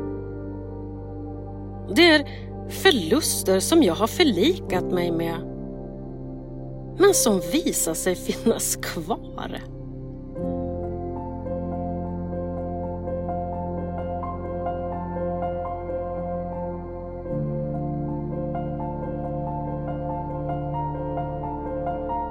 Jag gråter av glädje över små ting som jag åter får hålla i min hand. Jag tänker på hur nära det varit att jag gett upp. Hur jag nyss ville fly bort från röran som visar sig vara delar av mig själv. Som jag nu får ordna upp. Precis som jag vill.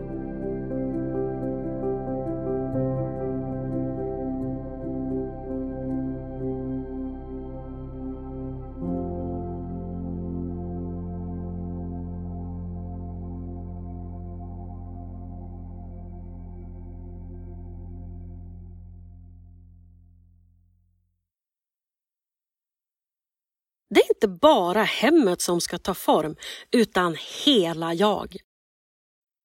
Hela jag tar form i verkligheten. När jag kliver ut i verkligheten konstaterar jag att det inte går att röra sig i skira, smutsiga tyger. Det är inte heller passande att gå runt i leriga byxor fulla av revor och hål. Så jag söker min stil. Den stil som passar mig.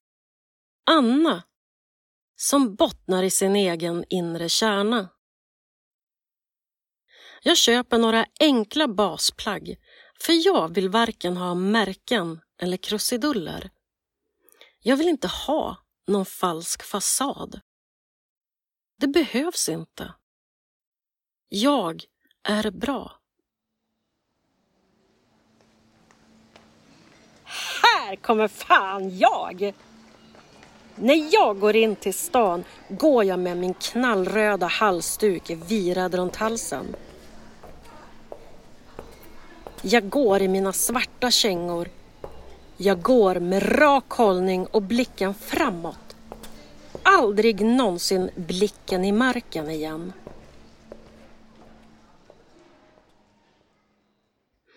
Skillnaden är att tiden i gläntan har gjort att jag nu ofta stannar upp och betraktar saker och ting. Jag tar in någonting som fångar mitt öga. Och på så sätt lär jag mig att vara i nuet, i verkligheten. I arbetslivet inser jag att jag behöver utlopp för min kreativitet. Jag kan helt enkelt inte gå tillbaka till det liv jag hade innan mörkret svepte in. Jag är för alltid förändrad eller uppgraderad eller kanske mer ärlig och äkta. Jag har funnit min kreativitet och inser att det är en stor del av den jag är. Och för det är jag tacksam. Det gör mina dagar fulla av glädje istället för tid som ska sittas av. Jag är inte längre så flamsig och tillkämpat glad. Jag är naturlig. Jag är som jag är.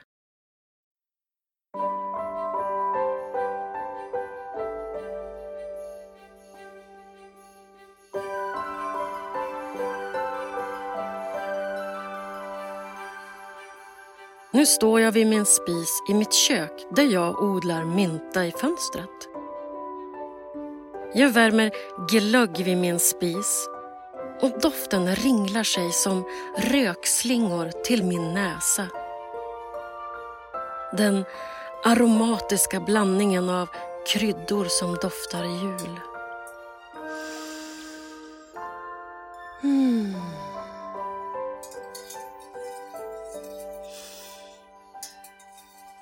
Jag tänker på de iskalla nätterna i bivackerna. På förtvivlan och hungern i leran och sörjan. Och mina tårar rinner stilla. Jag tänker på när jag gick genom isen och övervägde att sjunka ner i den tysta, iskalla vaken. Jag tänker på vargen som jag bad om hjälp. Och jag tänker på trossen. Den där äckliga trossen som jag fick kämpa med att hantera. Och hur jag ville bli av med den, hur jag rev och slet i den så att det blödde från mitt hjärta. Hur den borrade sig inåt. Och hur den bara, till slut, föll av. Jag tänker på, på gläntan som till slut kändes som en sockrig saga. Jag känner en livsgnista som är så stark eftersom jag gjorde valet i vaken, i diket, i leran och sörjan om och om igen att leva.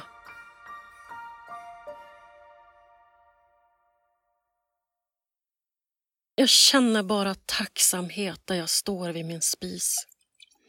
Tacksamhet att jag fick leva i och tillsammans med naturen och djuren.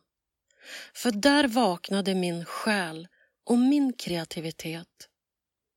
Där fann jag min kärna. Att komma hem är också att hitta igen sig själv i den här världen. Vem man är inifrån och ut. Det är glädjen som bottnar i sorgen och sorgen som bottnar i glädje. Det är en uppriktighet utan sentimentalitet över livet som slogs i spillror. Och samtidigt är det en bitterljuv symfoni av känslor över vad man förlorat och vad man överlevt. Resan har lärt mig vem som har en plats och vem som får stå utanför min tröskel. Det handlar helt enkelt om vem som ska ha tillgång till mig och inte. För jag är ingen självklarhet. Jag inser att jag hade och har mer än vad mörkret kunde ta ifrån mig. För jag är mer. Det finns ingen silverkant att ha levt i våld, isolering och under någon annans makt och kontroll. Det finns bara kunskap och acceptans att det hänt. Att bygga upp sitt liv är en tuff resa.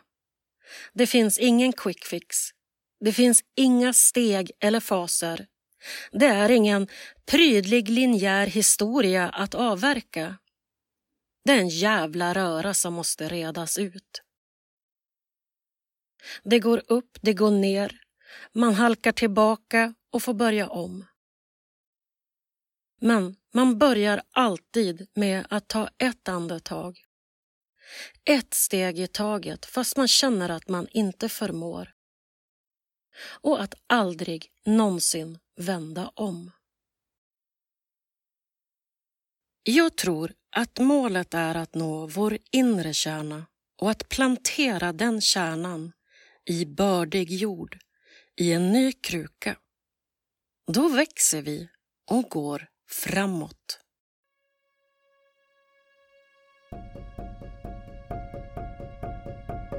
Glöggen är varm och jag häller upp drycken i en glaskaraff. Och jag lägger ner den i ett ställ av svart smidesjärn som står på brickan. Jag tänder ett värmeljus under karaffen för att hålla glöggen varm. Jag ordnar med skålar med mandlar och russin och fatet med pepparkakor. Jag tar med mig brickan och går över mina trägolv som knarrar. Jag går mot mitt vardagsrum där jag hör skratt och chatter.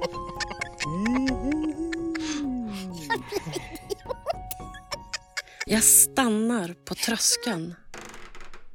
Jag tar in allt jag ser med alla sinnen. Det är en värme som slår emot min hud för en eld sprakar i min öppen spis. Det doftar svagt av björkved som eldas.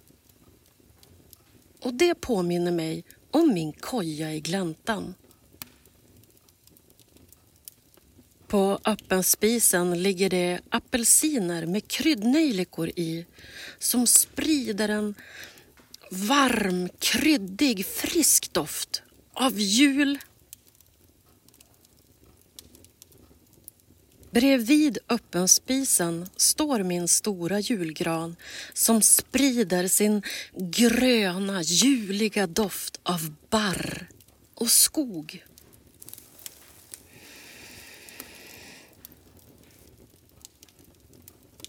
Skogen där jag levde så länge i möda. Min gran gnistrar och tindrar av alla små ljus. I den har jag varsamt hängt upp mina änglar av silver och guld. Jag har hängt upp sirliga dekorationer av glas och kristall. Min gran är också täckt av polkagriskäppar, små renar och hjärtan av trä. Min gran är en hyllning till julen jag inte kunde fira. Det är en påminnelse om de svinkalla nätterna i snön under den stjärnklara gnistrande natthimlen. Under granen ligger min älskade varg. Hon tittar upp och möter min blick där jag står på tröskeln.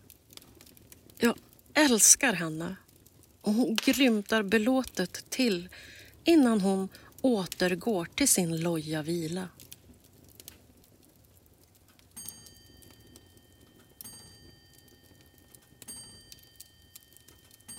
Hon ser så avslappnad ut där hon sträcker ut sig. Men hennes blick är alltid vaksam och vaken. Hon vill inte vara med på festen. Eller jo, det vill hon, men på sina villkor. För i henne finns inga kompromisser. Hon är så vacker, min varg, och jag är så glad och tacksam att hon har kommit.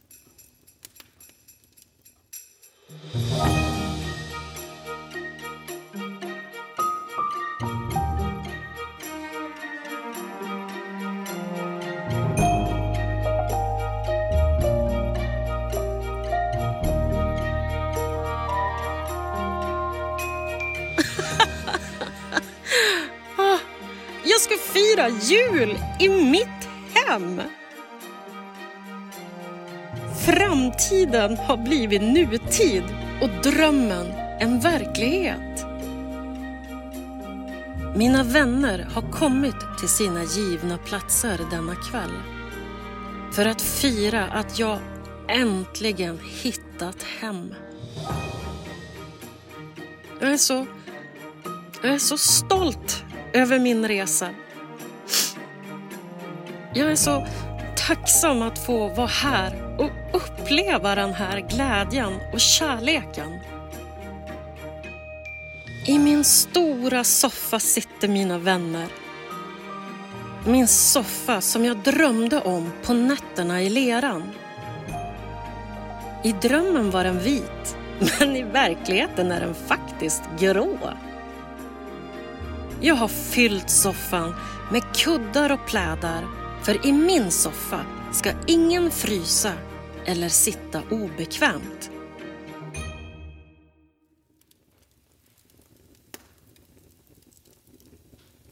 På brickan jag håller i mina händer doftar glöggen och pepparkakorna.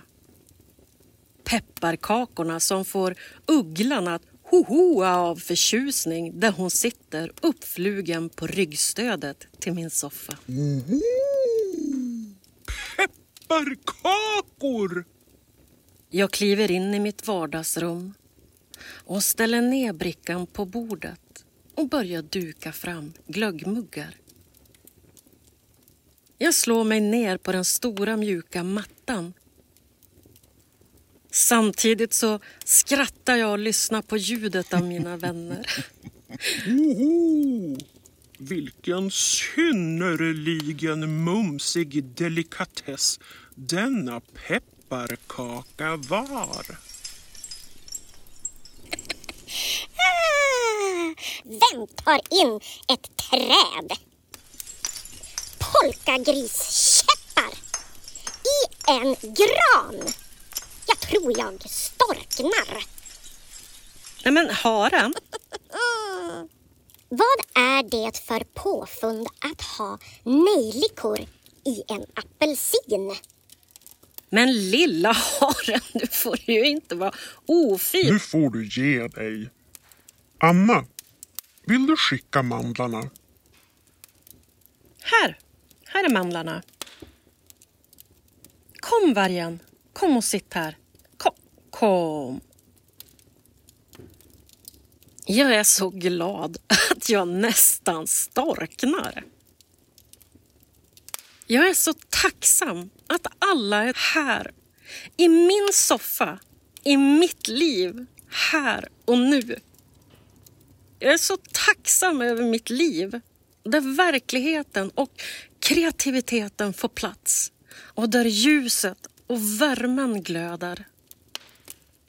Anna, jag är så glad att äntligen få sitta i din soffa igen. Det är en fröjd att få vara här hos dig. Fantastiskt! Trevligt! Du ser lite gladare ut idag än vad du gjorde när jag såg dig sist. Det är självklart att jag är här. Det här ville jag inte missa. Jag är så himla glad att ni alla är här. Och vargen och, och jag, är så, jag är så himla tacksam. Tack för att ni har kommit hit och att ni har kommit till min soffa. Anna, jag åkte på vargen hit. Åh. Haren, du får gärna sitta i mitt knä. Ugglan. Varsågod. Ta gärna en pepparkaka till.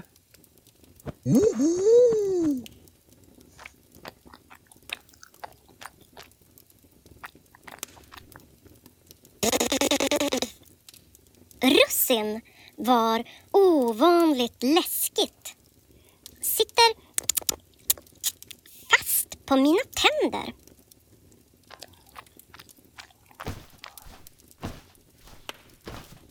Lilla haren. Snälla, du kan väl hoppa i soffan då istället men inte på fröken Knapp.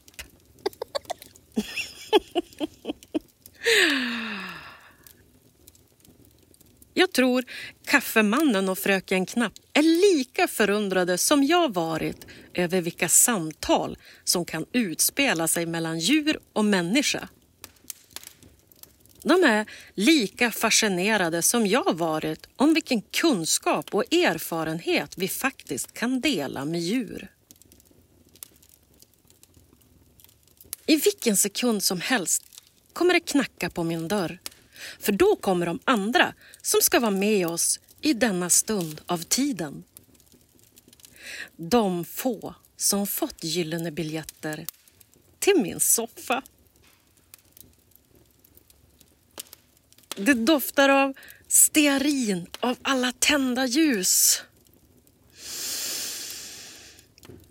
Jag känner en svag doft av saffran och vanilj från godsakerna som är framdukade på det runda bordet framför soffan.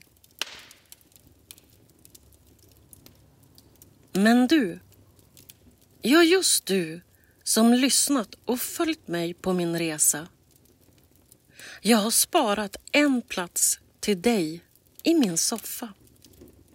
Och du får gärna sitta här bredvid mig.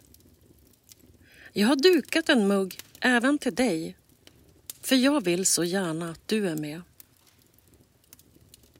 Kom och sitt här vid min sida. Och om du inte kan för att du är ute och krälar i leran så vill jag bara säga att jag tror på dig. Jag ger dig inga fiffiga råd eller tips, för din väg är din.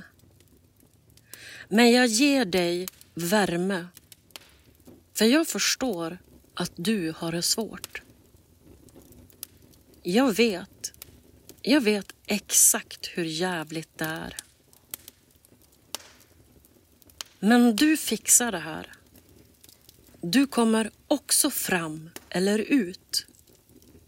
Du kommer hitta hem till dig själv.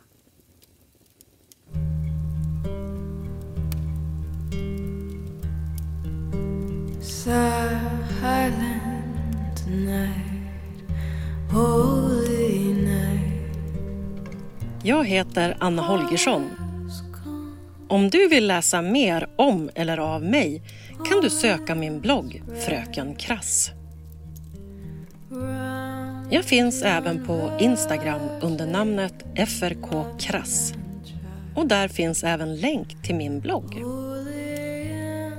Tack för att du ville dela den här stunden med mig.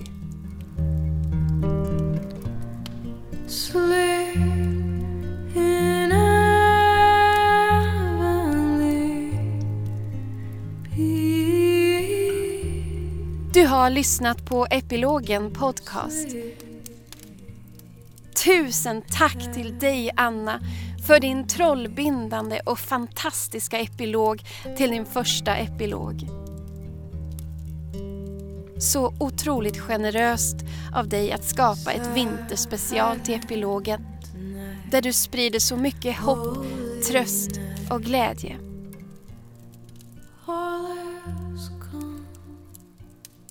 Vi är alla så glada att du till slut hittade hem och fick glädjas tillsammans med dina vänner där i soffan. Avsnittet var skrivet och framfört av Anna Holgersson. Jag som producerar Epilogen Podcast och har regisserat avsnittet heter Mia Makila och är konstnär.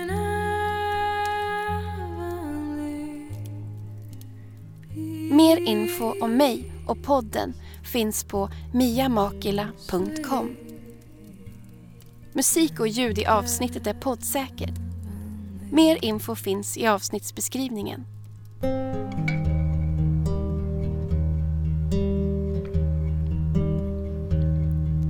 Silent night, holy night, shepherds quake